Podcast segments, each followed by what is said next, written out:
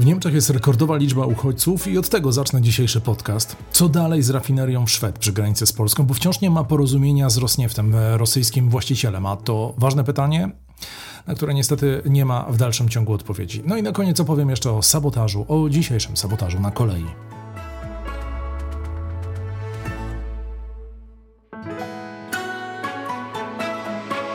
Plus 49 News. Zaprasza Tomasz Lejman korespondent telewizji Polsat i portalu Interia w Niemczech. Coraz więcej uchodźców decyduje się na przyjazd do Niemiec, tak przynajmniej wynika ze statystyk. Do czerwca tego roku w kraju przebywało ponad 3 miliony uchodźców, tymczasem liczba osób z obowiązkiem wyjazdu, czyli mówimy tutaj o osobach objętych deportacją, ta liczba zaczęła spadać, a kluczowym czynnikiem, jak się okazuje, jest nowo wprowadzone prawo azylowe. Jak informuje dziennik Neue Osnabrücker Zeitung, w tym centralnym rejestrze cudzoziemców pod koniec czerwca zarejestrowanych było 3 miliony 260 tysięcy e, uchodźców, co oznacza wzrost o 111 tysięcy w ciągu ostatnich 6 miesięcy. Wielu z tych osób w Niemczech mieszka od kilku lat. Gazeta zwraca uwagę na znaczący wzrost liczby uchodźców z Ukrainy, który obecnie przekracza milion osób. Jednocześnie w raporcie podkreślono, że wielu uchodźców postanowiło wrócić do swojego kraju, a liczba osób ubiegających się o azyl np. z Afganistanu wyniosła e, nieco poniżej 4 tysięcy. Kolejnym ważnym punktem jest spadek liczby osób z obowiązkiem wyjazdu i to o 8%, co jest pierwszym takim przypadkiem od dekady. Wprowadzone przez e, koalicję rządzącą prawo pobytu dla osób osób oczekujących na szansę, bo tak nazywa się to prawo, pozwo y, pozwoliło wielu y, z nich po prostu ubiegać się o stały pobyt, dlatego te osoby nie wyjeżdżają. Plus 49 News.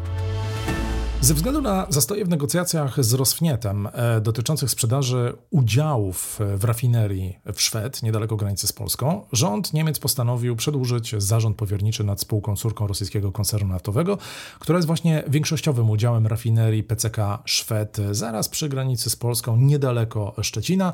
E, ten zarząd powierniczy zostanie przedłużony do marca przyszłego roku. Sekretarz stanu do spraw gospodarczych Michael Kellner wskazał na ścisłą współpracę z Polską w zakresie bezpieczeństwa bezpieczeństwa dostaw do rafinerii i też zapewnienia miejsc pracy w przyszłości, bo ta rafineria, jakby nie patrzeć, ona jest ważna dla Polski, przede wszystkim ze względu na dostawy paliw właśnie z tej rafinerii dla zachodniego regionu Polski, na przykład dla województwa zachodniopomorskiego, jak i e, jeżeli chodzi o miejsca pracy, bo w rafinerii pracuje wielu Polaków. Co ciekawe, inny udziałowiec rafinerii Shell rozważa mm, sprzedaż swoich udziałów w rafinerii i tutaj mówi się o potencjalnym zainteresowaniu ze strony prywatnych polskich firm, chociaż tutaj pod uwagę prawdopodobnie nie brany jest na przykład Orlen.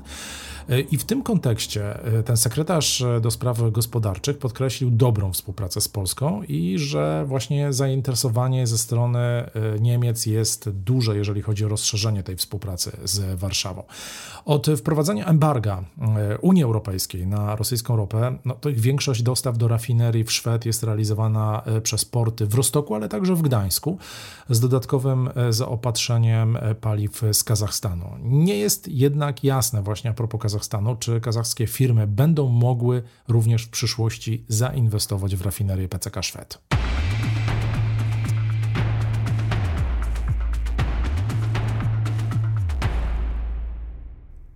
Stycznia przyszłego roku niemiecki rząd wprowadzi nowe regulacje, zgodnie z którymi każdy nowo instalowany system grzewczy będzie musiał być zasilany przynajmniej w 65% z odnawialnych źródeł energii. Wprowadzone regulacje początkowo będą miały zastosowanie tylko do nowych budynków. Tak zdecydował dzisiaj parlament po dosyć długiej kłótni, która trwała jeszcze zanim zaczęły się wakacje. Rząd podkreślił, że istniejące systemy grzewcze będą nadal działać i będą mogły być naprawiane, co oznacza, że nie będzie takiego obowiązku natychmiastowej wymiany systemów grzewczych. Dla tych, którzy też będą potrzebowali nowego systemu grzewczego, państwo planuje pokryć nawet do 70% kosztów z maksymalną dopłatą wynoszącą 21 tysięcy euro dla domów jednorodzinnych. Plus 49 News.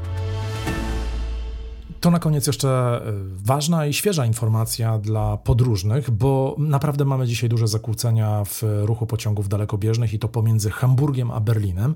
Deutsche Bahn poinformowała o odwołaniu wielu połączeń ICE, czyli pociągów dużych prędkości, a także Intercity i Eurocity, czyli tych pociągów międzynarodowych, z powodu wandalizmu. Pasażerowie muszą się liczyć niestety z opóźnieniami, które sięgają ponad 60 minut. E, a co mówi policja? No dzisiaj brane są przede wszystkim polityczne motywy e, tego aktu. Zresztą już też jedna z, ze skrajnie lewicowych e, organizacji przyznała się do tego ataku, do tego sabotażu. Deutsche Bahn kieruje w tej chwili pociągi przez objazd, co powoduje jeszcze większe opóźnienia w granicach od 30 do 60 minut. Pasażerowie więc są po prostu proszeni o uwzględnienie tych opóźnień i przygotowanie się na możliwość podróżowania dzisiaj naprawdę zatłoczonymi pociągami, tym bardziej, że mamy weekend. Oprócz głównej trasy Hamburg-Berlin zakłócenia też dotknęły połączenia na trasie Hamburg-Rostock-Stralsund, czyli wzdłuż wybrzeża Bałtyku. Pracownicy Deutsche Bahn pracują nad szybkim przywróceniem normalnego ruchu, tak usłyszeliśmy, z ust rzecznika prasowego koncernu. Jednak no, te prace mogą potrwać do późnych godzin wieczornych, a nawet niewykluczone, że będą prowadzone też w weekend. Ode mnie to wszystko. Miłego weekendu Wam życzę. W niedzielę wieczorem wideo podcast kierunkowy plus 49, na który już dzisiaj zapraszam do Interi TV, a także do YouTube'a, a my słyszymy się w przyszłym tygodniu w poniedziałek pod koniec dnia.